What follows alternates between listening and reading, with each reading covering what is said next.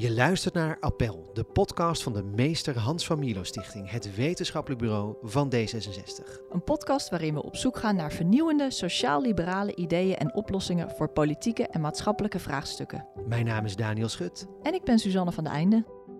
Als je ingrijpt op het bord, dan geef je volgens mij vrijheid. Maar dat hele, dat hele idee, van dit zit natuurlijk in die positieve en negatieve vrijheden, dat is helemaal verloren. Dus alles wat we hebben, een beetje dat etje, raketje liberalisme, van alles moet maar kunnen, dan is het, dan is het goed. Maar dat is natuurlijk helemaal niet zo, want 60% obesitas, niemand, bijna niemand wil dat. Niemand wil immobiel zijn op zijn 60 of 70, maar dat komt voor een groot gedeelte wel door hoe we het huidige systeem hebben ingezet. Dus ik zou een heel erg, nou ja, D66 wat sociaal, sociaal liberalisme echt wel willen oproepen. Er moet ingegrepen worden op ons bord, juist om vrijheid te geven. Discussies over de landbouw gaan tegenwoordig over weinig meer dan stikstof. Het wel of niet halveren van de veestapel en 2030 versus 2035. Tegelijkertijd wordt in Brussel met een stuk minder rumoer misschien wel de grootste hervorming in het Europese landbouwsysteem sinds de Tweede Wereldoorlog voorbereid. Als onderdeel van de European Green Deal moet de Europese landbouw schoner, gezonder, diervriendelijker en rechtvaardiger worden. Maar wat is dat eigenlijk, een rechtvaardige landbouw? En hoe zouden we als sociaal-liberalen om moeten gaan met de soms tegenstrijdige nationale en internationale belangen die bij hervorming van het landbouwbeleid een rol spelen? Nou, over die vragen praten we vandaag met Hidde Boersma, microbioloog en publicist en actief voor de stichting Replanet, die zich inzet voor een open debat rondom klimaatproblematiek. En met Jeroen Kandel, onderzoeker en docent aan de Wageningen Universiteit, die zich onder meer bezighoudt met innovatief landbouw- en voedselbeleid. Van harte welkom beiden. Dankjewel. Goed dat jullie er zijn. Heerde, ik begin even bij jou. Jij hebt uh, dit jaar een documentaire uitgebracht over biodiversiteit en duurzame voedselproductie, Paved Paradise. En je reist zo'n beetje de halve wereld rond om deze te vertonen overal, begreep ik. Ja, het is, het is een beetje oogsttijd nu. We hebben echt drie jaar hebben we aan deze film gewerkt. En ook tijdens het filmen eh, hebben we wel een aantal landen bezocht. We, zijn, we gingen naar Portugal om daar te kijken hoe het daar op landbouwgebied ging. En naar Costa Rica, wat een heel bijzonder land is. Costa Rica is het enige land zo'n beetje ter wereld dat erin geslaagd is om en film en natuur te krijgen en ook de voedselproductie te verhogen. Maar nu, dat, nu die dus uh, uit is. Dus hebben we eerst een, een première gehad in Tuschinski, toen een bioscooptour. En wat je dan bijna met alle films altijd doet, dat je jaarlang allerlei filmfestivals hebt die hem dus draaien.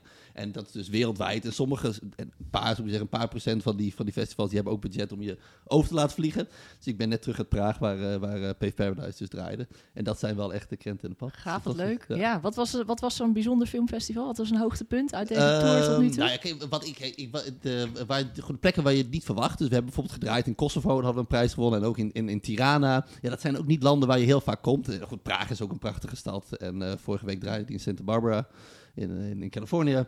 Uh, dus het gaat eigenlijk voor de hele wereld rond. Ja. En uh, ik, ik, ben, in, in Tirana ben ik erachterna gereisd. En Tirana is gewoon zo'n stad waarvan je... Het is een hele leuke stad waarvan je voelt waar de, iedereen zoiets heeft van, hey, dat, het, het wordt beter. De volgende generatie krijgt het beter. Dus het was echt een heerlijke sfeer. Oh, wat gaaf, heel hoopvol. Echt heel leuk. Ja, ja. ja precies. Echt zo'n uh, vooruitgangsgevoel in, in de ja. stad. Het is heel leuk om daar, uh, daar te zijn. En het leuke aan zo'n filmfestival is dat je ook heel veel contact hebt. Dus met mensen die daar wonen. Maar als je daar als toerist bent, heb je dat niet. Maar de, de hele organisatie is natuurlijk gewoon Albanees. Dus daar ga je daarna ook mee eten en mee stappen. En, dus het is gewoon heel leuk om een inkijkje te kijken ook in het uh, Tiraanse leven. Ja, wat gaaf zeg. Hey, en jij bent, jij bent heel lang journalist geweest. wat is voor jou nou de reden om via documentaires aandacht te vragen voor landbouwproblematiek? Nou, eigenlijk is, uh, komt dat door een vriend van mij, de Karsten de Vreugd. Dat is ook de, de, de, de, regisseur van de film. En ik denk dat ik iets van een jaar of zes, zeven gezeten echt best een beetje gefrustreerd in de kroeg met hem zat, dat ik het idee had dat niemand luisterde naar mij. Dus ik was uh, een beetje zo'n klassieke promovendus, weet je wel. Dus ik, uh, dit eerste debat waar ik in kwam, had ik gepromoveerd, wat ging over genetische modificatie. En ik was bioloog en gepromoveerd en dacht, nou, ik weet hoe het zit. Als, als, als, en als ik gewoon vertel hoe het zit, dan luisteren mensen. Dan komt het helemaal. gaan ze, het heel goed. Gaan ze doen wat je zegt. Toen was ik er nog van overtuigd dat feiten er echt toe doen. En ik heb dus heel veel opiniestukken geschreven. En ook wel veel debatten. En op de radio tegen Greenpeace. Weet je, ik, ben, ik ben een voorstander van genetische modificatie. En Greenpeace een tegenstander. Nou, ik denk wel tien keer tegen Herman van Beckham gezeten. En ik dacht echt zoiets van, nou, als ik gewoon vertel hoe het zit. Ik heb in het lab gewerkt, dan komt het wel goed. En dat is gewoon niet zo. Vooral uh, ja, gewoon tekst en, en maar ook, ook radio-interviews iedereen die zit al vast in, in zijn mening. Dus je, het is heel moeilijk om mensen te overtuigen. Maar waar dat wel gebeurt vaak is film. Maar film bijvoorbeeld als Cowspiracy, dus die gaat over, over vegetarisme. En over Geweldige de, titel ook, hè? Ja, ja precies. Ja. Dus over de invloed van, uh, van, van, vlees op, op, op, de, op, de, op de planeet. Dat heeft heel veel mensen vegetarisch gemaakt. Dus ik, Echt waar? Is dat, heb je dat, heel je dat, aan, je dat aantonen? dat dat... Ik, ik, spreek ze regelmatig, maar ja, die, dat heeft echt impact. Dus op een, op een of andere manier heeft beeld meer effect dan tekst. Dus omdat je echt een emotionele connectie kan maken met je publiek. Dus ik zat met hem in de kroeg en hij zei, ja, ik, ik, ik, ik heb het al zo lang tegen gezegd. Je moet beeld, je moet, je moet films gaan maken. Hij had zelf ook wel een beetje skin in de game, want hij was zelf filmmaker. Dus ik dacht misschien dat hij wat met mij kon doen. Maar ik heb wel gemerkt hoor. Ik heb dus de eerste film die wij maakten was over genetische modificatie. En nou ja, waar ik dus de eerste zes jaar van mijn carrière het idee dat, dat ik alleen maar voor nou ja, Preaching for the Choir, alleen maar voor mijn eigen uh, mensen zat. Dus heb ik echt mensen gehoord die de film hebben gekeken en naar me toe zijn gekomen. Ik ben minder zwart-wit gaan, gaan nadenken over genetische modificatie. En dat is omdat je dus nou ja, een emotionele connectie legt met je kijken. Dus film werkt gewoon heel goed. Mooi, ja. mooi. Hey Jeroen, uh, jij bent van oorsprong bestuurskundige. Uh, ik hoor eigenlijk een beetje een bruggetje met wat we net hoorden. Maar uh, hoe ben jij als bestuurskundige in de, de wereld van de landbouw terechtgekomen?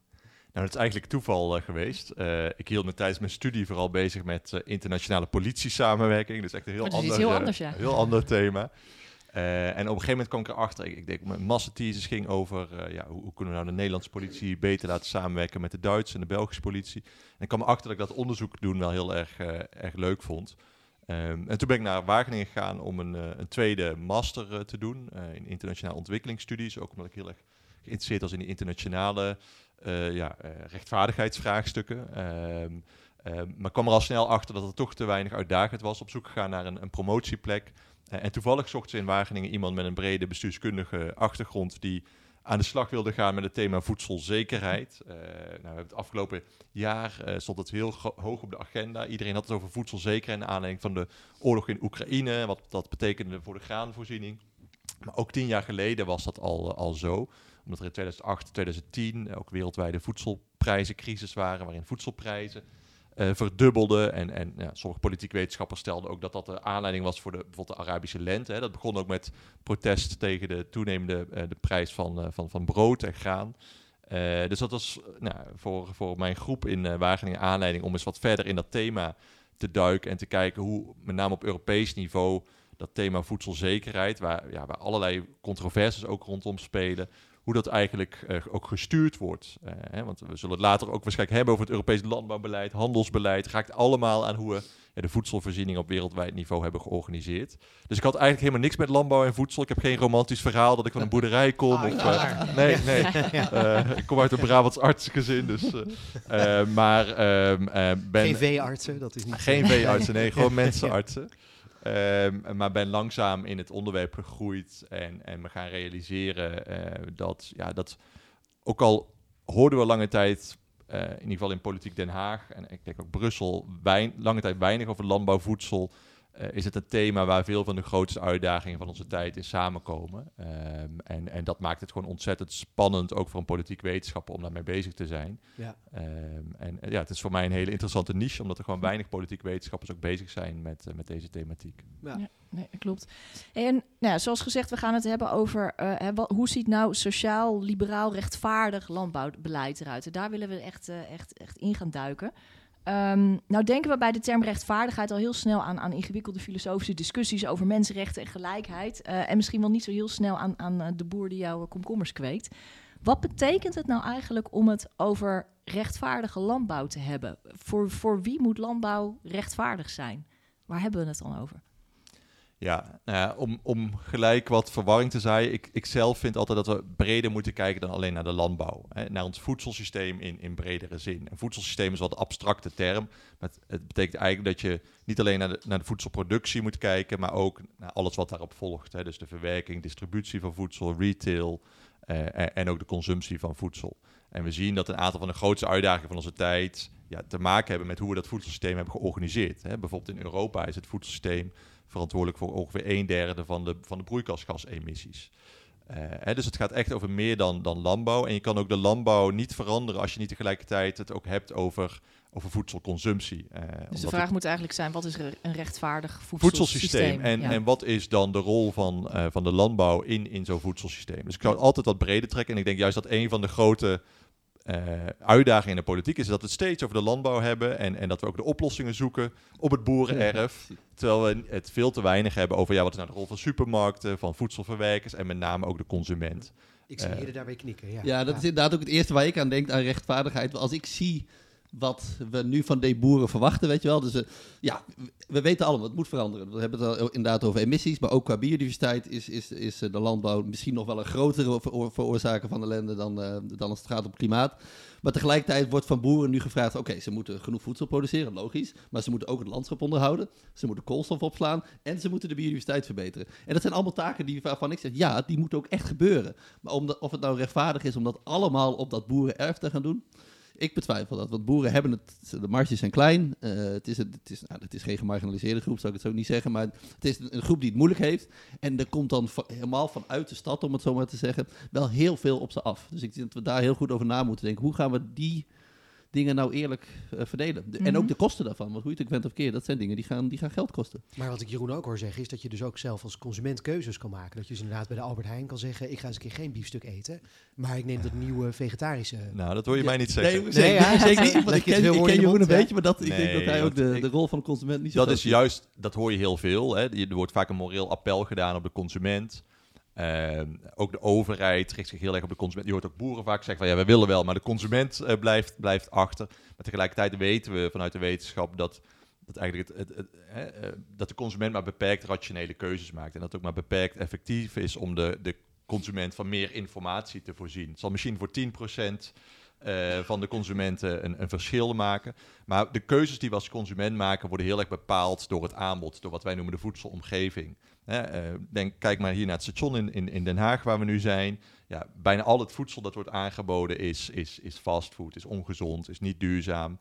Um, dus, dus het aanbod, hè, zowel de fysieke omgeving, maar ook onze sociale omgeving, bepaalt heel erg welke voedselkeuzes we maken. Eigenlijk is het zelfs zo, als we het hebben over rechtvaardigheid, dat het gezin waarin jij geboren bent, uh, de wijk waarin je opgroeit, voor een, keuze, voor een grote mate jouw voedselkeuzes bepalen. En daarmee ook jouw gezondheid en uiteindelijk geluk in het, in het leven. Hè. Dus we hebben maar heel. Natuurlijk kunnen we, kunnen we keuzes maken, uh, maar het zijn vooral routines en, en, en ja, de, de, de, de omgeving die, uh, die die keuzes beïnvloeden. Maar hoe, hoe zit dat dan met die omgeving? Want je zegt het gezin waarin je opgroeit en, en, de omgeving waarin je opgroeit, die bepalen voor een groot deel jouw voedselkeuzes. Maar um, gaat het dan om keuzes die de ouders weer maken? Of zie je daar toch meer... Want dan, dan zijn het wel degelijk, zeg maar, consumentenkeuzes. Of zie je daar toch meer andere factoren een rol bij spelen? Ja, het is beide. Het is zowel de fysieke context, dus echt het aanbod aan, aan voedsel, als de sociale context. Uh, en inderdaad, uh, het, het, het, is, uh, de, de, de, de, voedselkeuzes van, van, van je ouders zijn sterk bepalend voor de routines die je zelf uh, ontwikkeld. Maar ook die ouders maken weer maar beperkte rationele ja. uh, keuzes. Hè? Dus we zien ook dat bijvoorbeeld uh, als het gaat om obesitas, toch nog heel erg sterk de verantwoordelijkheid bij de individuele consument of patiënt soms wordt, wordt gelegd. Terwijl ja, er een, een, heel scala aan factoren is, meer, meer, systemische factoren, die, die invloed hebben op, op, op dus het, het consumentengedrag van mensen. en ik denk dat juist nu uh, ja, en, en, de aard van het politieke probleem is dat we veel te veel kijken naar de individuele burger of consument. In plaats van het over die systemische factoren te hebben. Maar, maar neem ons eens mee dan verder. Want je, je schetst net van je hebt dus productie, dat is het landbouwgedeelte. Ja. Daarachter heb je dan verwerking, dan heb je distributie, marketing, logistiek. Uh, dat zit er allemaal bij. Uh, neem ons eens wat mee door die hele keten. En wat speelt er dan als het gaat om Een hele brede vraag. Ja, een hele brede vraag. Dat is. Uh, ja. Gaan, want dit ja. is ja. college. Ja. nee, ja, er spelen ontzettend veel dingen. Um, al, als we al alleen al kijken naar de retail, uh, dan zien we dat nog steeds supermarkten uh, toch nog heel sterk inzetten op het, het aanbieden van, van ongezond, niet duurzaam voedsel. Ze stunten met, met vlees, terwijl we weten dat we juist toe moeten werken naar meer plantaardige uh, voeding, voedingspatronen. Ze moeten stunten met appels eigenlijk. Ja, dat zou veel beter zijn. Ja, zeker. Uh, je ziet dat er nog een hele agressieve marketing van ongezonde producten uh, is. Um, ook, ook, onder andere gericht op kinderen. Um, we, we, zien dat, nou ja, dat bijvoorbeeld producenten van, van, van diervoer, pesticiden een, een vrij agressieve lobby voeren om het huidige voedselsysteem in stand te houden. Bijvoorbeeld door boerenprotesten. Eh, te steunen of door allerlei schimmige uh, lobbyclubs en, en denktanks te financieren. Uh, dus je ziet dat er buiten wat er op het boerenerf gebeurt, dat er allerlei andere spelers in het voedselsysteem zijn die, uh, die deels een andere kant op bewegen, maar die deels soms ook een belang hebben bij, bij instandhouding van het huidige systeem. Ja. Um, en, en ja, dat, dat raakt natuurlijk meteen aan, aan, aan, aan wat er uiteindelijk ook op, op, op ons bordje belandt als, als consument. Hè. Dat is maar voor beperkt uh, mate uh, het gevolg van de, de keuze die wij zelf uh, daarin maken. Nou ja, dat, dat, en voor mij is dat ook de crux als je, als je een beetje nadenkt over de rol van het sociaal liberalisme. Het is we leven echt in een fascinerende wereld. Dat wij worden van alle kanten beïnvloed over wat, wat, we, gaan, wat, we, wat we eten. Dus inderdaad, wat de, wat de supermarkten aanbieden. Uh, je loopt negen keer langs een uh, oliebollenkraam en een tien keer ga je overstag. Uh, en maar op, op het moment dat de overheid iets gaat ingrijpen daarin, dan is, dan is het land te klein. Weet je, ze komen aan Het is fascinerend ja. hoe dus iedereen helemaal accepteert dat we van alle kanten worden beïnvloed door uh, marketing van grote bedrijven, waar heel, vaak, heel veel weerstand is. Maar dat vinden we allemaal prima. Dus al die reclames die overal hangen en al die fastfood overal. Ik heb, ik, dat is al een tijd geleden, een jaar of zes geleden, een keer een stuk geschreven. Inderdaad, overheid grijpt in op ons bord om juist om vrijheid te geven. Want je kan mij niet vertellen. Ik woon in Amsterdam Noord en dat is nou, dat, is, dat heeft de hoogste concentratie kanta's ter wereld. Hoogste, kanta's, dat zijn van die, van die, van die autootjes als je nou ja, eigenlijk niet zo goed met de been bent. Oh, zo. En dus in, je kan mij niet vertellen dat mensen dat uit vrijheid kiezen. Dat je op je zestigste eigenlijk al niet meer mobiel bent, niet meer met je kleinkinderen kan spelen. En in Amsterdam-Noord is dat echt een heel groot probleem. Dus als je ingrijpt op het bord, dan geef je volgens mij vrijheid. Maar dat hele, dat hele idee, van dit zit natuurlijk in die positieve en negatieve vrijheden, dat is helemaal verloren. Dus alles wat we hebben, een beetje dat etje, raketje liberalisme, van alles moet maar kunnen, dan is het, dan is het goed. Maar dat is natuurlijk helemaal niet zo, want 60% obesitas, niemand, bijna niemand wil dat. Niemand wil immobiel zijn op zijn 60 of 70. Maar dat komt voor een groot gedeelte wel door hoe we het huidige systeem hebben ingezet. Dus ik zou een hele erg, nou ja, D66 wat sociaal, sociaal liberalisme echt wel willen oproepen. Er moet ingegrepen worden op ons bord, juist om vrijheid te geven. En, en hoe zou je dat dan doen, zonder het gelijk met nou ja, opgeven vingertje te zwaaien? Nou ja, dat, ik denk dus in de één is toch wel echt taxen. Kijk, uh, de huidige prijzen van, uh, van bijvoorbeeld vlees uh, zijn ook niet een marktwerking. Dus ontzettend veel subsidie gaan ten eerste al naar, ja. naar, het, naar het, het, optimaliseren van die productie. dan nog gewoon naar die boer zelf. Dus die hele, het hele idee dat de huidige prijs van vlees een soort neutrale marktwerking is. En dat alles wat wij er overheen gaan taxen opeens de andere kant, dat is helemaal niet zo. Uh, dus ik zou heel snel, ik, suikertax zou ik zeker voor zijn. In verschillende landen heeft dat echt wel, uh, wel goede, goede dingen opge opgeleverd. Ja, misschien nog meer ingrijpen is niet helemaal mijn expertise, maar inderdaad in het aanbod. Want hoe je het ook went of keert, er zit een verschil tussen de consument en de burger. De burger zegt, ik wil duurzaam eten. De consument doet dat niet, omdat de prijs er niet naar is. Dus je moet daar Dat is een mooi onderscheid wel inderdaad tussen consument en burger. Ja, ja. Dus, dus, als, je, als je burgers vraagt naar, ja. nou ja, ook zelfs iets met als biologische voedsel. Ik ben helemaal niet per se fan van biologisch, maar als je door de 20 of 30 procent van mensen zegt, nou, ik wil dat wel. Maar als je kijkt hoeveel mensen dat werk, daadwerkelijk kopen, is dat veel minder.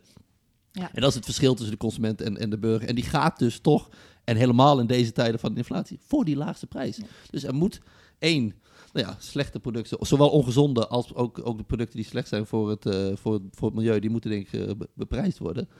En wat, ja, nu zit je ook nog heel erg met die Nutri-score en er komt misschien een eco-score. En allemaal het individu moet het zelf doen. Dat gaat gewoon niet werken. Systemisch ingrijpen. Zou je dan zeggen eigenlijk dat het huidige systeem rechtvaardig is voor, uh, voor de voedselindustrie en de supermarkten en onrechtvaardig voor burger slash consument? Ja, maar ook niet voor, voor de hele industrie. Hè? Want je ziet dat er nu heel veel subsidie gaat naar de instandhouding van de status quo, de huidige vorm van voedsel produceren, de, de, de dierhouderij. Er een recente studie die heeft laten zien dat er 1200 keer meer publieke steun gaat naar, naar de veehouderij in Europa dan naar uh, producenten van, ja, van, van uh, nieuwe uh, eiwitten. Hè. Denk aan kweekvlees, microbiële fermentatie.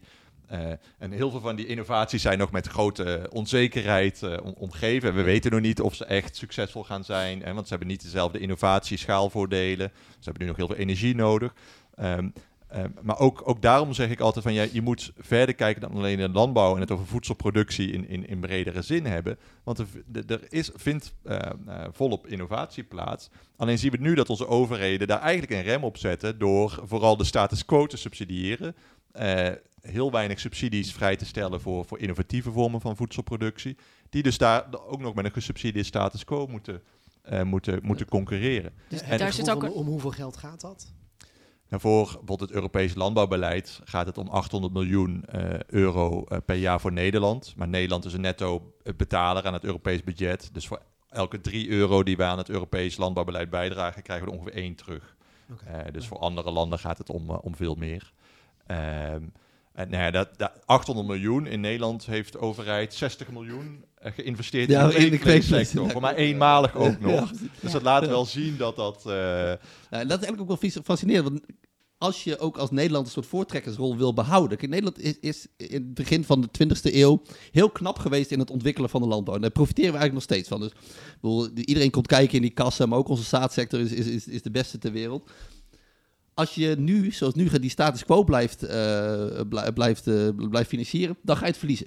Want hoe je het ook bent of keert, eh, eh, grond is hier hartstikke duur, arbeid is hier hartstikke duur. Dus op bulkproducten ga je het niet winnen in de wereld. Bulkproducten zoals... Zoals nou ja, melk en, Ja. vlees en dat soort dingen. kaas, de gew- gewone kaasjes, dat soort dingen. Dat, dat, daar ga je niet in winnen. Dus als wij die, van, wat mij betreft, mooie en ook eh, rol die ik zo heel graag zou willen behouden als Nederland, een soort vooruitstrevende rol, moet je juist die, eh, moet je die subsidies gaan, gaan, gaan wisselen. We- Met Replanet hebben we net eh, een open brief eh, aan, eh aan von der Leyen ook eh, overhandigd. Met onder andere George Monbiot en Rutger Bregman en zo stonden er onder Rotman. Die ook zeiden, we moeten dus een moonshot investering. We vroegen echt om 25 miljard in alternative proteins. Moonshot, na aan- analogie Ja. van de Mazzucato ja, ja, dus inderdaad ook naar de, naar echte eh, eh, maanlanding. Waar gewoon heel veel geld, waar je volledig gewoon bijna allemaal overheidsgeld in gaat doen. En dan word je uiteindelijk krijg je dat ook terug. Want je ziet nu al dat bijvoorbeeld landen als Singapore en Israël, die heel erg veel investeren in die alternatieve eiwitmethodes, Mhm. Methodes, dat die al, nou, dat er allerlei bedrijvigheid is. En als je dat volgens mij, als je dat niet gaat doen in Europa. Dan ga je denk ik ook je, je vooraanstaande positie eh, verliezen. Naast, dus dat is een economisch argument. Ja. Naast dat je het ook gewoon natuurlijk voor het milieu moet doen. Want, eh, En leidt dat inderdaad tot een rechtvaardiger voedselsysteem ook, als we het even nog bij die waarden houden? Of Nou, wat je op macroniveau gewoon ziet, is dat, ehm, eh, dat, dat een, en we hebben het gehad over die subsidies, maar er worden ook heel veel maatschappelijke kosten afgewenteld op de samenleving in bredere zin. Dus dat is natuurlijk niet rechtvaardig. Hè? Dat, dat we met z'n allen moeten be- meebetalen aan het feit dat, dat sommige mensen eh, eh, heel veel vlees willen eten. Of, hè, dus we, Even voor de luisteraar helder maken, wat zijn die maatschappelijke kosten precies? nou ja, we moeten. Ik, ik noemde al dat, dat eh, ons voedselsysteem verantwoordelijk is voor een derde van, van de broeikasgasemissies. De grootste driver van, van biodiversiteitsverlies. Eh, draagt sterk bij aan, aan, aan, aan lucht- en watervervuiling. We hebben deze stikstofprobleem Ja, in, in ja. Nederland, een gezondheidsvraagstuk. Dus er zijn tal van maatschappelijke Ja. kosten. Voor, voor veel eh, sectoren in de landbouw zijn de maatschappelijke kosten veel hoger dan wat er wordt verdiend in die, in die sectoren.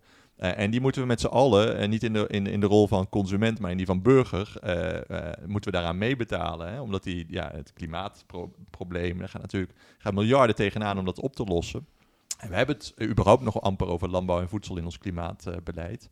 Ehm, dus, dus nee, in, in bredere zin is dat natuurlijk niet rechtvaardig dat we met z'n allen moeten meebetalen aan, aan het verduurzamen van een eh, ja, fundamenteel niet duurzame industrie.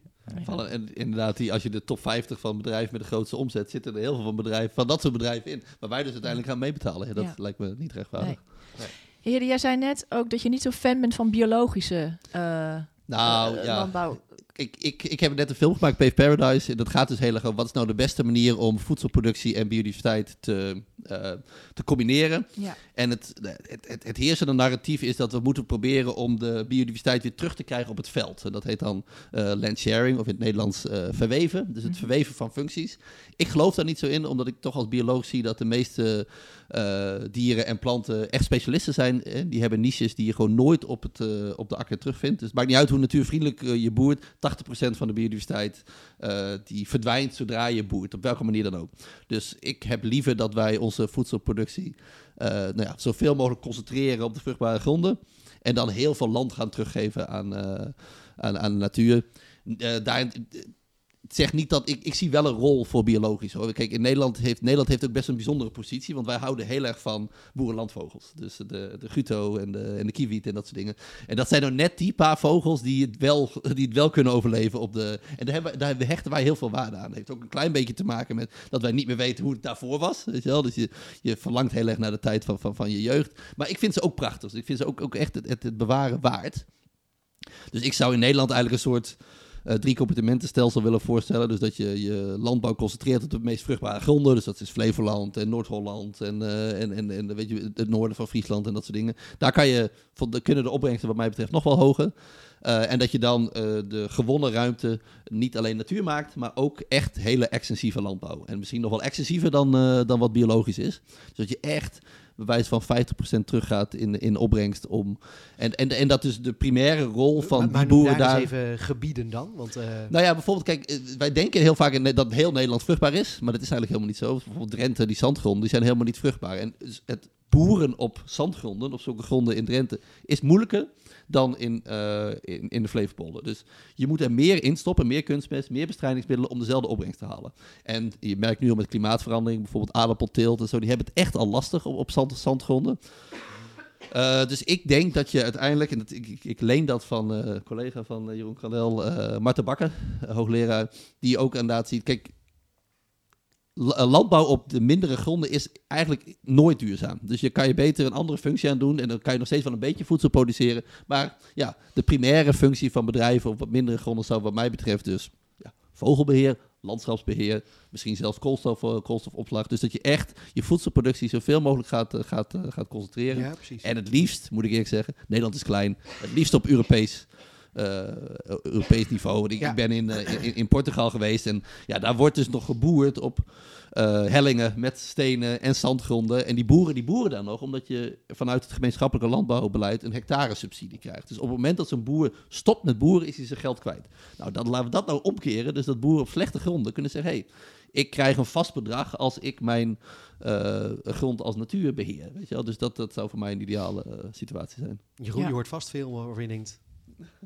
Nou, ik ben het er grotendeels mee eens. Kijk, intensiteit heeft tegen, intensieve productie heeft tegenwoordig een beetje een negatieve connotatie. Maar in principe is er niks mis mee met zoveel mogelijk voedsel van een hectare eh, land proberen te halen. Eh, met, met twee toevoegingen. Eh, allereerst ehm, denk ik dat we anders intensief moeten produceren. Hè? Dus we zien nu dat, dat we ja, groot, in hoge mate afhankelijk zijn van, van met name chemische inputs, kunstmest, pesticiden. Eh, die niet alleen een impact hebben op, op, op, het, op die hectare zelf, maar ook uitspoelen, eh, emissies door de lucht. Eh, dus dat grote milieudegradatie ook elders leiden. Dus in die zin ehm, ehm, vind, vind ik biologisch ook geen panacee. Maar tegelijkertijd moet ook niet vervallen in een, in een soort van stammenstrijd. En ik denk dat er wel dat, dat, dat, dat we kunnen leren van. En dat, dat het wel zaak is om meer gebruik te maken van ecologische principes. En die toe te passen in, in, in, in, in, in de landbouw. En, en op die manier anders intensief te gaan, eh, te gaan produceren. En ik denk dat we het. Want het gaat nu heel erg over intensief, extensief. Maar ik denk dat we het veel meer moeten hebben over wat produceren we nou eigenlijk. Eh, dat is. Ja. nou, op dit moment wordt er in Europa ongeveer 70% van het areaal gebruikt voor dierlijke productie. Dus het houden van dieren of het produceren van diervoer. Dus ontzettend veel land, schaarse grondstoffen. We hebben in Nederland, bijvoorbeeld in Drenthe, een, een lelieteelt die gepaard gaat met ontzettend veel eh, pesticidengebruik. Terwijl, ja, het is leuk voor de winsten van de individuele boer, maar maatschappelijk levert het ontzettend weinig op. Eh, we zien dat er sowieso een aantal sectoren in Nederland zijn, bijvoorbeeld de, de varkens en de kalveren, waarbij de maatschappelijke kosten heel hoog zijn eh, en de toegevoegde waarde relatief laag. Eh, dus we moeten denk ik veel meer hebben over ja, hoe moet die voedselvoorziening van de toekomst er nou eigenlijk uitkomen te zien. Eh, ik denk, eh, als je IPCC, het Internationale Klimaatpanel, eh, volgt, nou, dan is het antwoord in grote mate plantaardig, of in ieder geval plantaardiger dan het nu is. Dus eh, hè, behalve hoe we produceren, moeten we het ook veel meer hebben, denk ik, over wat we produceren en, in welke mate daar nog een rol is. Eh, voor bijvoorbeeld de sierteelt, eh, eh, voor, voor dierhouderij.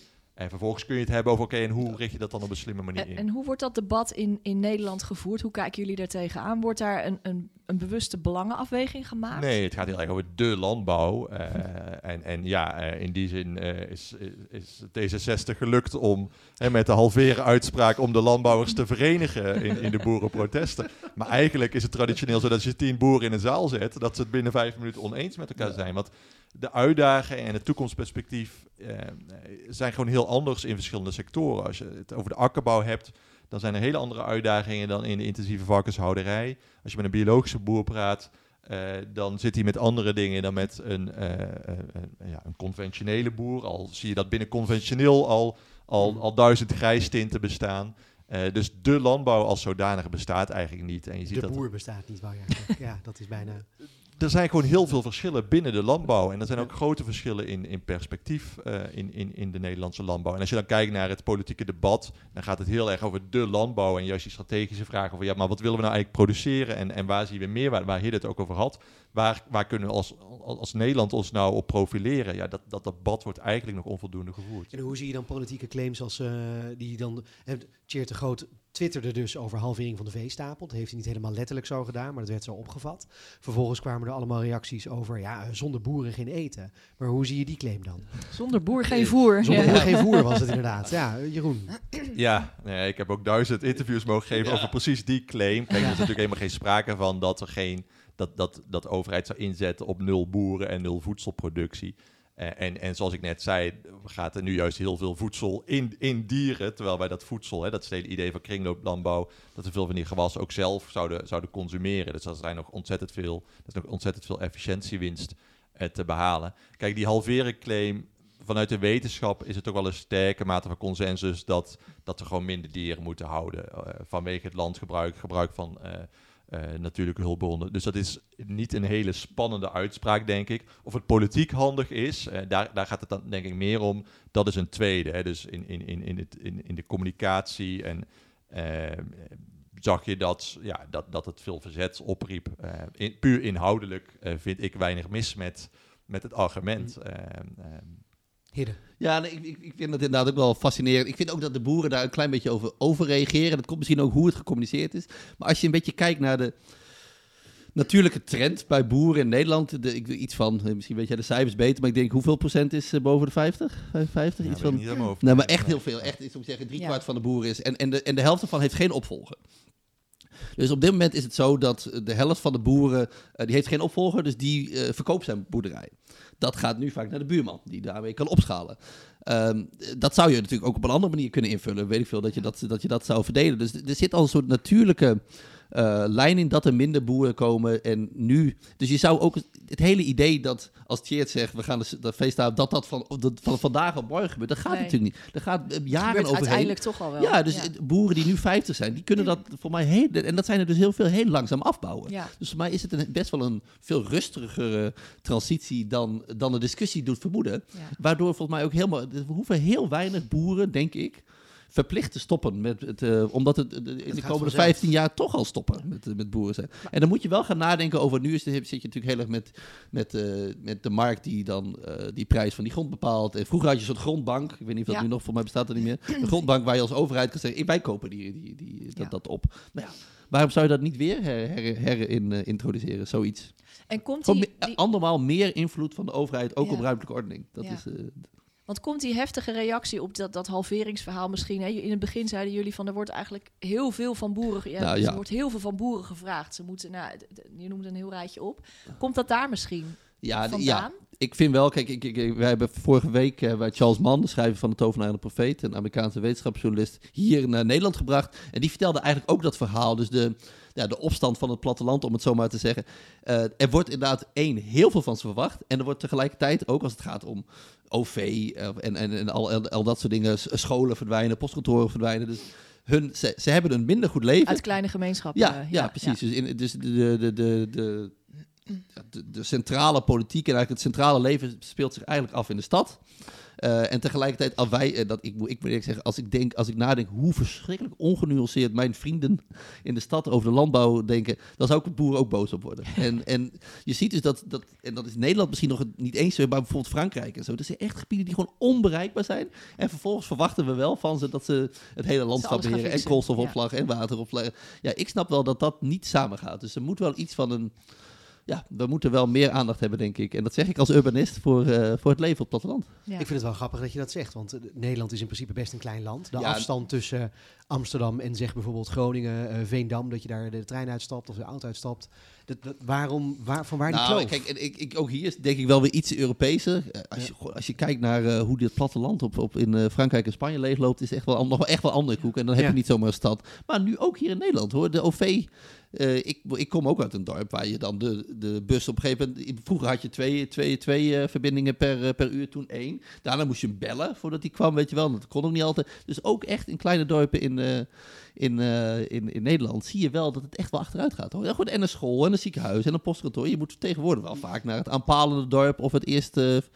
En als je dat herinnert van vroeger, dat dat allemaal op loopafstand was. En vervolgens komen al die stadse mensen zeggen, nou, uh, jullie moeten en minder bestrijdingsmiddelen gebruiken en je bent uh, alleen maar slecht bezig. En uh, dan denk ik dus dat, die, dat dat een soort opgeklopte polarisatie die dus volgens mij niet nodig is. Want je kan dus die transitie... Al, al is het minder zwart-wit, hè, want veel van de maatschappelijke kosten van... van landbouw concentreren ja, zich ook op. Hè? Ja. Dus we zien dat geuroverlast, uh, zorg over pesticiden, uh, dat die ook veel sterker leven in plattelandsgemeenten, zoals bijvoorbeeld in, in, in Drenthe heel sterk het geval is, of in Oost-Brabant dan, dan in steden. Hè. Dus het is natuurlijk niet zo dat, dat uh, plattelanders allemaal de Polonaise nee, lopen voor ja. bijvoorbeeld de intensieve nee. veehouderij. Nee, ja. dat zeker allemaal. Maar goed, alhoewel je het wel in het, in het stemgedrag ziet, dat dus die BBB, die daar dus heel groot, die profiteert wel een klein beetje van volgens mij de nou, de opstand is een beetje een groot woord hoor. Maar goed, de, de, de, de gele ja. hesjes en Trump. En het is toch allemaal. Okay.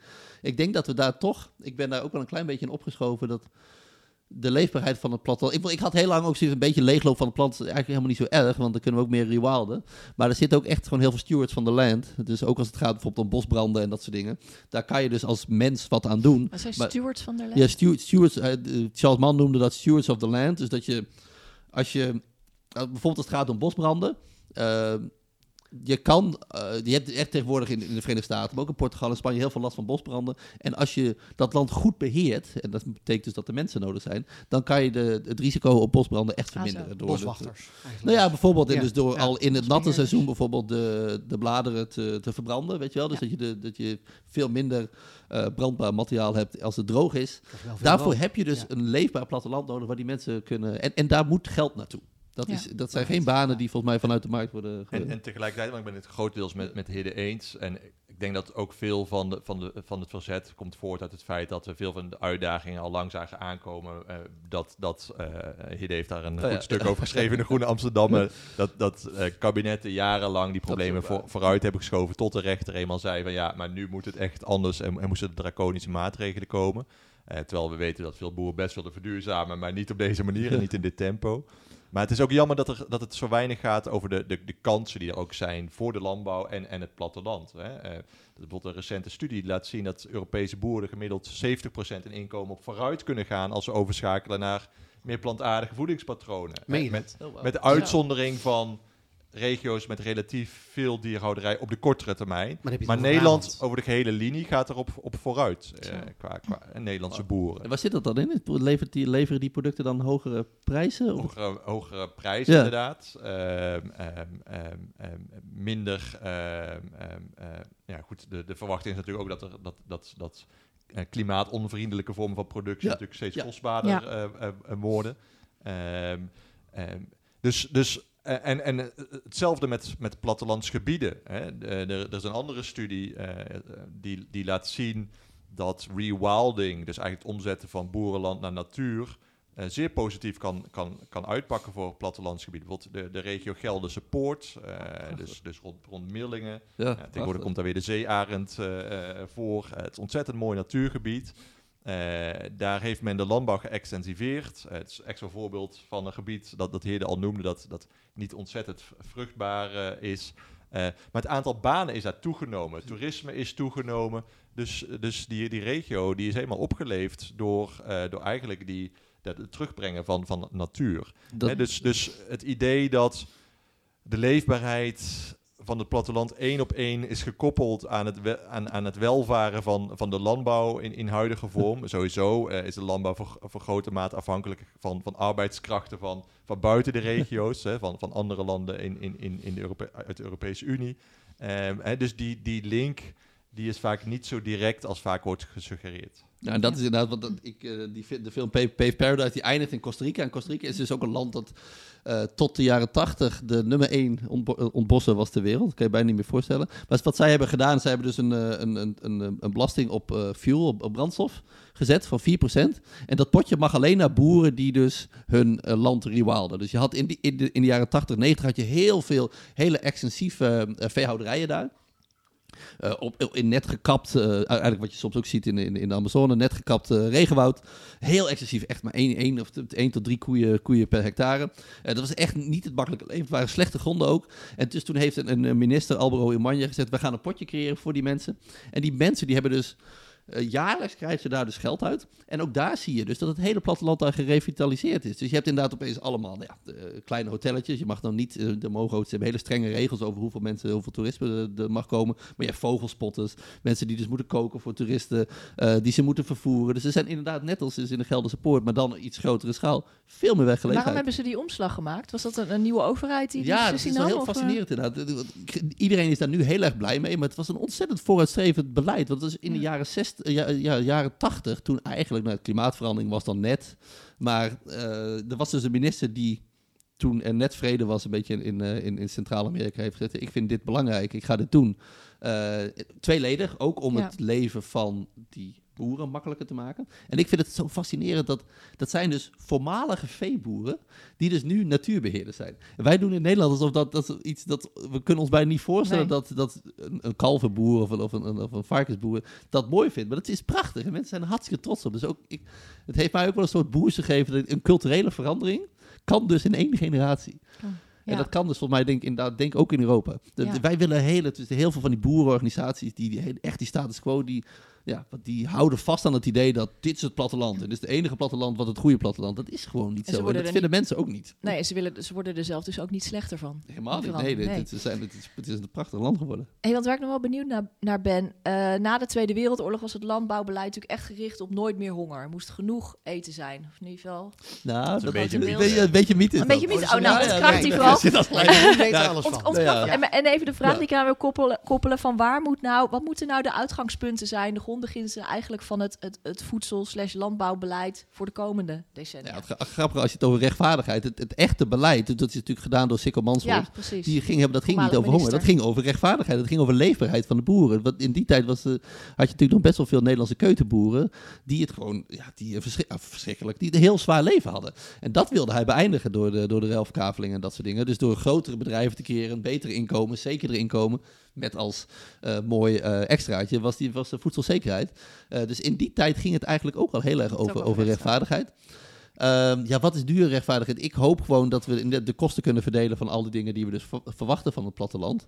En, je, en je blijft natuurlijk voedselzeker. Dus, dus een goede boterham, toch een beetje dat cliché voor, voor de boer. Eh, en niet allerlei externe schade, dat die wordt, die, die, die moet je dus op een of andere manier op, op de hele samenleving. Dus die, ik wil dat ook niet alleen op die boer. Dat zie je nu natuurlijk ook. Want het zijn natuurlijk allemaal producten die wij nuttigen. Dus dat, eh, dat er een soort Eten. ja. Ja. ja, ja, wij eten dat toch. Ja. En, en met, ja, met invloed van, eh, van- de overheid. Die dus echt Jeroen, hoe, hoe is die mythe ontstaan dan? Want ik had het ook in mijn hoofd. eh, Na de Tweede Wereldoorlog was het Sikko Wij Mansholt die zijn zei, dus nooit met, meer eh, honger. We zijn met open ogen in die mythe zijn getrapt, eh, Daniel. eh, ja. dat is, eh, Eh, Nou, ik denk deels omdat, omdat het gewoon een heel krachtig argument is. Hè? Dat voedselzekerheid, het wordt nu ook weer continu van stal gehaald. Het, het raakt aan onze diepste angst, hè? dat we op enig moment zonder voedsel zouden komen te zitten. Dus je kan met een heel genuanceerd complex verhaal komen over waarom een systeemverandering eh, nodig is. Maar iemand hoeft maar te zeggen, no farmers, no food, voedselzekerheid, nooit meer honger. En we slikken het allemaal en voor zoete koek. Ook ik, eh, ik merk het continu als ik met politie in Den Haag, Brussel eh, praat. Dat voedselzekerheidsargument komt altijd weer de kop opzetten. Eh, dus het is gewoon heel krachtig. Maar als je kijkt naar, naar eh, honger, nooit meer honger. het feit dat we honger hadden in de Tweede Wereldoorlog kwam, kwam niet zozeer door een ineenstorten van de productiecapaciteit, maar door eh, het feit dat er grote spoorwegstakingen waren. Dat, hè, het was eigenlijk meer een distributieprobleem veroorzaakt in, in een grote crisis, namelijk de Tweede Wereldoorlog. Het was niet zo alsof we voor de Tweede Wereldoorlog allemaal honger lijden omdat er eh, een, een- een, tekort aan, aan productie eh, was. Hè. Dus, dus überhaupt de, de analyse van waarom er honger was in, in de oorlogstijd, die, die, die, die klopt al niet. Ehm, maar het is gewoon een heel krachtig discours en het wordt te pas en te onpas van stal gehaald. Ook nu weer om de hele Green Deal en, en de boer-tot-bord-strategie van de Europese Commissie eh, te, te, ja, eh, Ondermijnen. te ondermijnen. Ja, wat Ehm, een mooi bruggetje daarna inderdaad. Eh, hoe kijken jullie tegen de, de farm-to-fork strategy, noemen ze hem? Eh, Zoals jij zegt, boer boer tot bord. Ja, Dat- dat is ja, een ja, Nederlandse, precies. mooie ja, vertaling. Ja. Dat is een groot, eh, grote strategie van de, als onderdeel hè, van de European Green Deal. Hoe kijken jullie daar tegenaan? tegen die strategie? Ja, ja. Nou, in grote lijnen positief. Kijk, Europa heeft heel lang een landbouwbeleid gehad, eh, eh, waar- waarvan ik net uitlegde dat het vooral de status quo ondersteunde. Het heeft klimaatdoelen, voedselveiligheidsbeleid. En daartussen bestonden grote spanningen of incoherenties, zoals we dat als bestuurskundigen zeggen. En het is daarom goed dat, eh, dat ze voor het eerst toewerken naar een, een visie op het voedselsysteem in bredere zin. Je zou kunnen zeggen, het is een eerste aanzet tot een, een, een daadwerkelijk voedselbeleid in plaats van enkel hè, dat gefragmenteerde landbouw, milieu, klimaatbeleid. Eigenlijk waar, je, waar jullie allebei eh, Ja, toe zeker. oproepen, riepen Ja. aan het begin van het gesprek. en vervolgens hè? kun je het hebben over goh, de specifieke doelen die, die men dan eh, da- daarin heeft opgenomen. Hè, bijvoorbeeld biologisch, 25% is in Nederland een, een wat controversieel doel. Andere denk ik wat minder, hè, dat je bijvoorbeeld wat minder pesticiden gaat gebruiken, eh, 50%. Eh, het hele probleem is dat van die boer-tot-bord-strategie eigenlijk nog maar weinig over is. Eh, dat we sinds de oorlog in Oekraïne zien dat, dat eh, grote delen van die agenda van tafel zijn verdwenen of sterk verwaterd. Ehm, eh, dus Is dat weer omdat we dan allemaal bevangen zijn door die mythe Ja, van dat voedselzekerheid? ja. is, ja, voor een groot deel wel. Je ziet sowieso dat in tijden van internationaal conflict, economische malaise, dat, dat milieu, klimaat vaak van de agenda verdwijnen. Nou, dat is eigenlijk ook met de hele Green Deal eh, gebeurd, met name voor, voor voedsel, landbouw. Ehm, dus als het gaat om de natuurherstelwet hè, voor de zomer, eh, is, is, was er veel om te doen. Eh, nou, je ziet dat het Europees Parlement elke passage over landbouw uit die natuurherstelwet heeft. Het is die wet heeft waar. Timmermans eh Ja, verantwoordelijk ja, voor was. ja, we kijken vaak naar Timmermans. Jeroen, dat eh, roemruchte Green Deal, die Ja, eigenlijk ja, is die dus gewoon Als het gaat om landbouw, voedsel, is, er zou dit voorjaar zou, eh, of dit najaar zou de Europese Commissie met een nieuwe duurzame voedselsysteemwet komen. Eh nou, von der Leyen heeft hem eigenlijk geschrapt eh, nadat Timmermans is, is vertrokken. Men zou de dierenwelzijnswet gaan, gaan herzien, is nu op de lange baan geschoven. De pesticidenwet wordt nu sterk eh, verwaterd. Dus eigenlijk die hele farm-to-fork agenda eh, is, is vooral een papieren werkelijkheid eh, gebl- gebleken. Waarom, waarom is dat? Ja, nou, even, je vroeg inderdaad, wat, wat vind ik ervan? Ik bedoel, de, Ja. de, de- me- veel mensen denken van, oh, Hidde, die is voor dat land sparing, die zal wel een beetje tegen die farm-to-fork strate- strategy zijn. En ik ben ook wel af en toe kritisch, weet je wel. Ik denk niet dat bijvoorbeeld biologische landbouw de biodiversiteitscrisis gaat oplossen. Maar ik was toch heel blij dat hij er was, omdat het een visie was. En god, wat hadden we dat lang niet gehad, weet je wel. Dus eh, ik vind het dus ook he- eigenlijk heel erg dat hij dus nu wordt afgezwakt. Want ik, ik, zit altijd een beetje zo in zo'n strijd tussen de tovenaar en de profeet. Dus wil je, wil je inderdaad gaan voor, eh, voor, voor hoogproductieve, hoogtechnologische landbouw of, of meer voor, voor biologische landbouw? Ik heb altijd... Ik, ik heb liever dat die biologische kant wint dan dat de status quo wint, weet je wel. Dus als Ja, ik dan... eh, Als er maar wat ja, verandert. als er maar wat verandert en als er maar een keer visie is. En dat is dus, als dat, dat nu dus op, op allerlei vlakken zo wordt afge, afge is Dat is nu echt dus heel jammer. Ik, helemaal verwaterd. ja, maar ik wil ook, Ja. ook ik, ik, ik, ik leef soms best wel met boeren mee. Misschien wel 50% van hun uh, en bestrijdingsmiddelen die gaat eruit. Maar ik weet ook altijd, onder druk wordt alles vloeibaar. Dus ik weet ook dat het uiteindelijk, iedereen is paniek van, we hebben nog wel een middel tegen dit of dat. Bijna altijd komt dit uiteindelijk toch goed, omdat het dan die druk is. En ik weet dat ook heel erg uit de biologische sector. Ik heb een keer twee boeren die, die naast elkaar wonen. En eentje, die, die, als ze doen allebei uien. En eh, ik weet niet precies wat voor ziekte er was, maar eentje heeft daar bestrijdingsmiddelen voor en die andere niet. En die moest dus, die, die sector moest daar, de, de biologische sector moest daardoor gaan veredelen. En die heeft dus nu een resistente ui, die dus nu ook wordt gebruikt in het conventionele land. En dat zul je hier ook gaan zien. Dus ik, ik ben. Minder Ja. bang dan heel veel boeren. Het is ongelooflijk wat innovatie kan doen. En, je- en daar heb je dus druk van nodig. En dat dat nu verdwijnt, vind ik gewoon echt heel jammer. Je hebt juist lange termijn bindende doelen nodig om die innovatie te versnellen. Hè? En dan kan je er nog wat subsidie tegenaan gooien. Maar wat, wij hebben al sinds 2009 een Europese pesticidenwet, maar die, ja, da- daar is nooit echt werk van gemaakt. En er wordt nu vaak gezegd van ja, maar we hebben geen alternatieven. Nee, omdat er geen Nee, binnen de doelen zijn Nee. eh, en, en, en, en, en, en niet wordt beprijsd, zie je dat, dat welke- veel meer innovatiegeld gaat naar de status quo dan, dan naar mogelijke alternatieven. Wel- Welke rol speelt eh, Nederland dan in het hele Europese debat? En ik, we moeten het natuurlijk nu hebben over Piet Adema, die de opdracht heeft gekregen van de Kamer tot twee maal toe om tegen glyfosaat te stemmen. Ja, nou Ehm, is en glyfosaat dan- een beetje het symbool geworden van het Ja, hele pesticidendebat. Want je hoort Precies, niks ja. over die pesticidenverordening, die Nee. eigenlijk veel belangrijker is dan Maar, de vertel, toelating maar vertel daar eens wat meer over dan, want het is wel opvallend kijk, natuurlijk. Kijk, Nederland heeft, is lange tijd onderdeel geweest van een groene, groene coalitie in Europa. Zowel milieubeleid, maar ook al in het landbouwbeleid. Nederland heeft altijd het landbouwbeleid willen hervormen.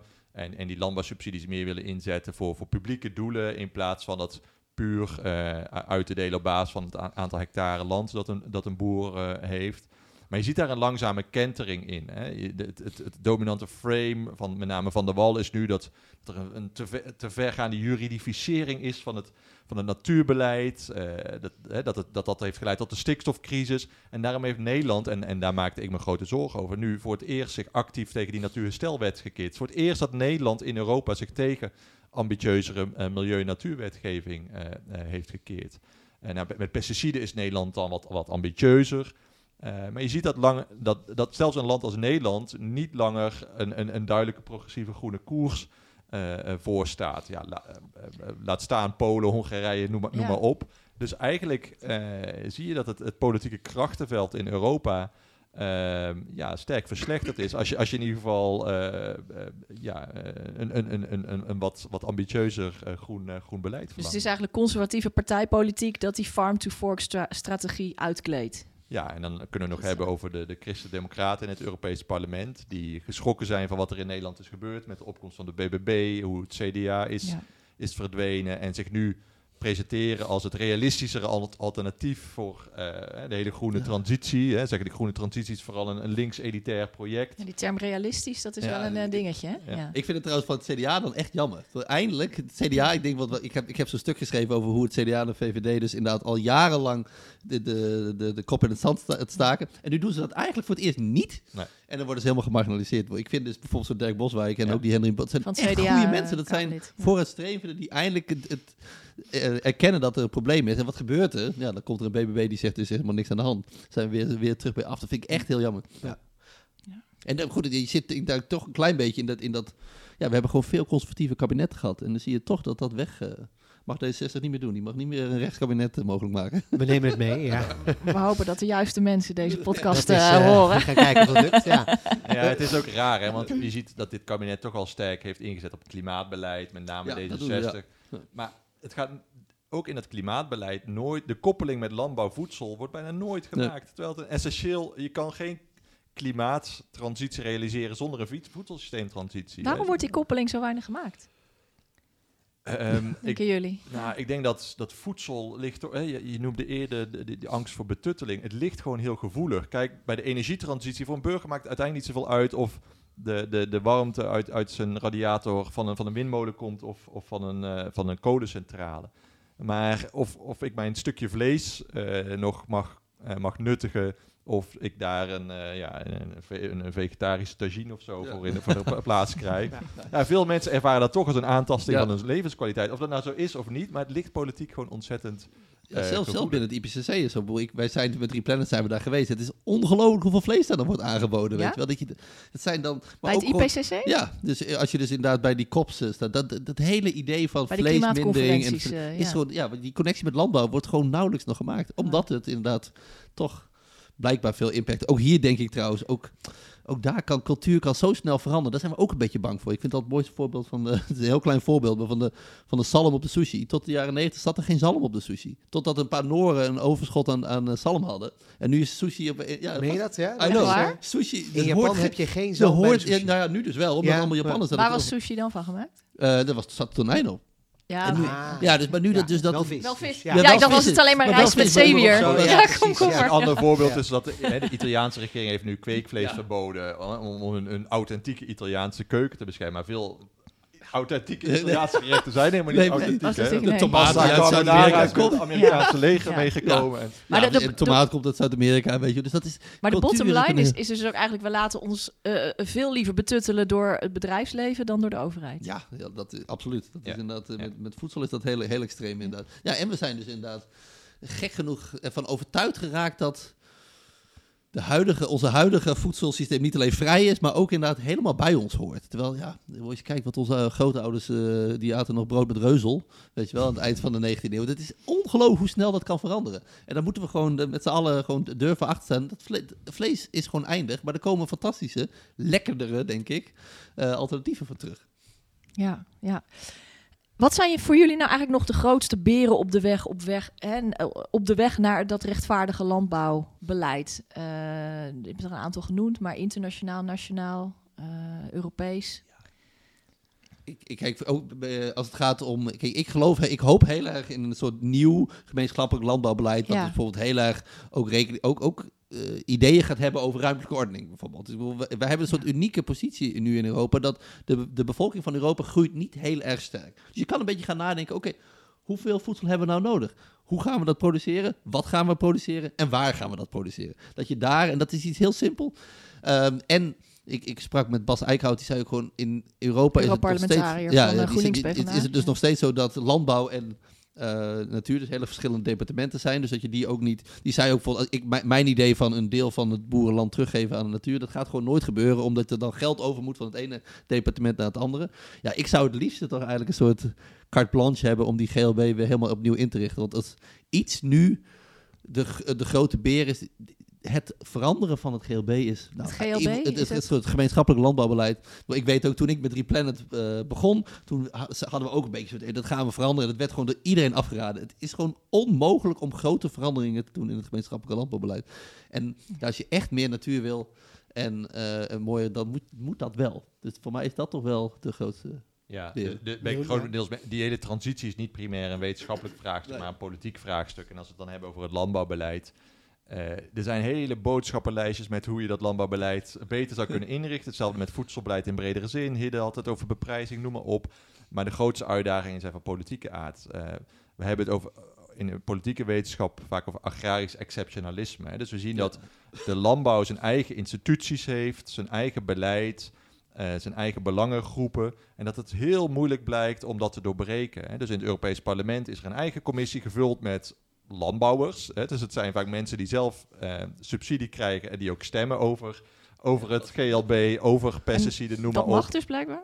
Ja, is dat, in, andere sectoren? Is dat in andere sectoren Alleen bij landbouw. Ja, alleen dus bij landbouw. Bij elke sector zeggen we dit is belangenverstrengeling, maar bij landbouw zeggen we nee, maar de, boer weet tenminste waar hij het over heeft. Ja. Dat is wel heel uh, Dus je kan alleen dat beleid veranderen als je het ook hebt over je, je, moet ook institutionele veranderingen bewerkstelligen. Want we zien nu elke keer, en eigenlijk is het ministerie van LNV in Nederland eenzelfde, uh, van hetzelfde laken een pak. Uh, men is toch het is heel letterlijk dus echt het ministerie van... Het is nog steeds een landbouw. Het zijn allemaal parlementariërs die nog een boerderij hebben gewoon, weet je wel. Ja. Die in het weekend ja. nog aan het boeren zijn. En dan, uh, ja. dat vinden we allemaal prima. Ja. Uh, uh, Minister-president wow. Babiš, ja. de vorige van Tsjechië, kreeg zelf landbouwsubsidies. Ja. Uh, dus je ziet zowel bij de lidstaten als in het Europarlement dat men een groot belang heeft bij, bij instandhouding van, van de status quo. En dat maakt die hervormingen zo ontzettend moeilijk. Alright. Dat brengt ons volgens mij bij de slotvraag voor vandaag. Ja, dat denk ik ook. Dit alles uh, aangehoord ja, hebben. Dat is, uh, ja, ja. Wat ik wel een beetje overhoud nu in deze discussie is een soort, uh, bij jullie allebei een soort technologisch of bedrijfskundig, bestuurskundig optimisme, maar een beetje politiek pessimisme eigenlijk. Ja, ja, dat, ja, dat, ja. Ja. Dat, er kan heel veel, maar we zitten telkens maar vast in, in de politieke systemen die we ja. hebben. Ja, dat ik, is, heb ook in Costa Rica dus gezien, die minister, die heeft dus inderdaad in zijn uppie dat, dat, dat, dat hele land eigenlijk omgedraaid. Maar dan heb je dus de durf en de visie, maar ook de, de, de kracht nodig. Maar kreeg hij ook weerstand? Nou ja, um, grappig genoeg nu, wat hij, het bijzonder is, want hij was een sociaaldemocraat en Costa Rica heeft sindsdien alweer, uh, weet ik wel, 8, 9, 10 uh, verkiezingen gehad. En iedereen heeft dat beleid gehouden, want je kan er ook mee stoppen natuurlijk. Ja. Kan het, ik kan het, maar iedereen is er heel trots op, omdat het ook heel goed werkt natuurlijk. Het trekt heel veel toerisme. Of hij in die tijd ook heel veel. Dat weet ik eigenlijk niet. Of nee, want dat is natuurlijk uh, hier. Even, je noemde een paar uh, Kamerleden die dan wel hun nek uitsteken. Die worden ver, vervolgens wordt ja. zo'n partij onmiddellijk politiek afgestraft. Ja. Nou, ik denk dat ik misschien dat wel het zorgst, meest zorgwekkende vind, is toch het. Ja, kijk, zo'n Costa Rica had toch een klein beetje, je zit een beetje carte blanche van oké, okay, we, we, beginnen net met een soort democratie, weet je wat, we zijn ja. niet zo heel lang bezig. En hier heb je zoveel last van vested interest. Ja. eigenlijk wat, wat Europa natuurlijk heel knap heeft gedaan, ook wat Nederland ook heel knap heeft gedaan, is, is die landbouwinrichting in, in het begin van de 20e eeuw met de, de gouden driehoek, hoe dat dan heet. Um, waar heel veel lef voor nodig was. En ik, heb dat, ik zit dat ook wel bijvoorbeeld een afsluitdijk of een Flevopolder. Dat is ongelooflijk dat dat er doorheen... Dat komt er nooit meer doorheen, zulke dingen. Nooit nee. meer. De afsluitdijk, die sloot Urk af. Dat was een gigantische vind. Dat dat, ik, ik snap er nu zelf nog niet eens dat dat mocht doen, weet je, dat dat kon. En dat soort grote plannen hebben we wel nodig. Uh, op allerlei vlakken. Maar dat, niemand durft dat meer. Niemand okay. durft zulke grote projecten te doen. En dat vind ik het erg. We gaan jullie dan op de stoel ja. zetten nu, want dat is het idee. Dus uh, grootse plannen. Mag ja, ik, maar, ja, Jeroen, ja, één, ja, ding, ja. één ding zeggen. Want we hebben het over rechtvaardigheid. Iets waar we nog helemaal niet over hebben gehad. Dus we hebben het nu al alleen gehad over mensen, maar, maar niet over andere levende wezens. Nee. Uh, want je kan ook nog een hele discussie hebben, gaan we misschien niet doen, maar ik wil het wel noemen, over, over, over dieren, over, over andere levende wezens. Eh, ik zit zelf ook in de Raad voor Dierenaangelegenheden. We, we, we denken daar ook steeds meer naar over dierenrechten. Hè, het, we weten steeds meer over hoe, hoe, hoe, dieren in elkaar zitten, dat ze ook bewustzijn hebben, ook emoties, noem maar op. Ehm, eh, ik denk dat er toch een heel prangend ethisch vraagstuk ook ligt. Nu, nu we steeds beter in staat zijn om ons prima te voeden op een plantaardige wijze met producten van hoge kwaliteit, hoe ethisch is het nog dat wij op deze wijze, deze schaal, industriële schaal, uh, dieren exploiteren? Uh, ik denk dat we daar in de toekomst met, met, met veel gewetensvroeging uh, naar, naar terug zullen kijken. Ik denk dat dit verhaaltje duurde ongeveer twee minuten. 280.000 kippen in de ondertussen geslacht in die twee minuten. Dat is uh, eh, 140.000 per minuut in de wereld. Dat is bizar. In, de wereld. Ja, in de wereld. Niet alleen in Nederland. 68 miljard dieren per jaar. Nou, dat is absurd. 96% van alle zoogdieren op deze planeet is ons, dit is ons voer. 4%, nou, dat is absurd. Ja. Ik denk echt dat wij terugkijken op de veehouderij als op slavernij. Oké, als je nu nog geen vegetariër bent, dan word je het nu. Nou, vegetariër, goed. met, met je plakje kaas gaat ook wel wat dieren Ja, dat gaat ook. Ja, stap voor stap, uh, Jeroen. Ja. Hè? Dat daarvoor moeten goede alternatieven komen. Want inderdaad, kaas vind ik ook heel moeilijk om te laten liggen. Ook, uh, maar, en, en, de, en de alternatieven zijn nog niet zo goed. dus, uh, maar daar heb ik mijn hoop toch een klein beetje op uh, van. Ja. Goed, we zetten jullie nu in ieder geval op de stoel eventjes van de, van de Uh, stel, jullie worden minister van Landbouw, Natuur en Voedselkwaliteit in het volgende kabinet. Um, wat gaan jullie doen? Welke moedige stappen gaan jullie zetten om de landbouw in Nederland duurzaam, rechtvaardig, toekomstbestendig in te richten? Jeroen. Ja, ik heb het eigenlijk al genoemd. Ik zou dus echt werk gaan maken van, van een, een voedselbeleid. Hè. Dus dat landbouwbeleid verbreden. En eigenlijk hebben we een soort farm-to-fork strategie voor Nederland nodig. Hè. Dus die die Europese agenda complementeert. Uh, het is duidelijk dat er aan de kant van de landbouw heel veel moet gebeuren. En dat beleid mag ook best een tandje bij en, en, en, en, en, en misschien wat sneller. En je kan boeren daar meer in, helpen. Maar ik zou me veel meer ook richten op, op de consument. Uh, uh, dus ik zou ervoor zorgen dat er bijvoorbeeld schoollunches worden aangeboden met gezonde, duurzame maaltijden. Dat de overheid al het voedsel duurzaam en gezond inkoopt. Op die manier vergroot je ook de vraag naar die producten. Uh, ik zou uh, aanbod van, van fastfood in publieke ruimtes uh, verbieden. dus ik zou er veel meer voor zorgen dat ook aan die vraagkant, zonder gelijk een moreel appel te doen op de consument, maar dat aan die vraagkant dat, dat daar veel meer uh, verandert. Want dat is nodig om ook die, die productiekant mee te krijgen. Ja. Uh, uh, dus ik denk dat daar heel veel winst te behalen is. Mooi, dankjewel. Hidde. Ja, ik, ik ga Nederland herrichten en ik ga het drie compartimentenstelsel in, invoeren. Dus het, ik ga het drie compartimentenstelsel. dat is eigenlijk een plan wat al uitgewerkt is. dat drie is een, is, is, is, is, is een academische term, maar het is een plan wat al uitgewerkt is door Marten Bakker, waarin zij dus echt Nederland heeft heringericht. Als je zoekt op uh, Marten Bakker uh, Nederland, dan vind je ook een kaart waarin zij heeft laten zien, oké, we gaan hier ons, uh, de bulk van ons voedsel produceren. En de overgebleven ruimte gaan we dan verdelen door, nou, tussen nieuwe natuur en tussen hele extensieve boerderijen. En dan heb ik, ik denk dan het liefst echt 20% van de huidige uh, opbrengsten. Uh, en dat worden dan echt gewoon eigenlijk die prachtige uh, Nederlandse landschappen met allerlei biodiversiteit in, in de velden. Dat zou voor mij het ideaal zijn. Super. Mooi, hartelijk dank. Ja, hartelijk dank, heer de Boersma en Jeroen Kandel voor dit enerverende, inspirerende gesprek. En uh, jij luisteraar, dank voor het luisteren naar deze aflevering van Appel. Vergeet niet je te abonneren, want over twee weken dan staat er weer een nieuwe aflevering voor je klaar. Tot snel. Dankjewel.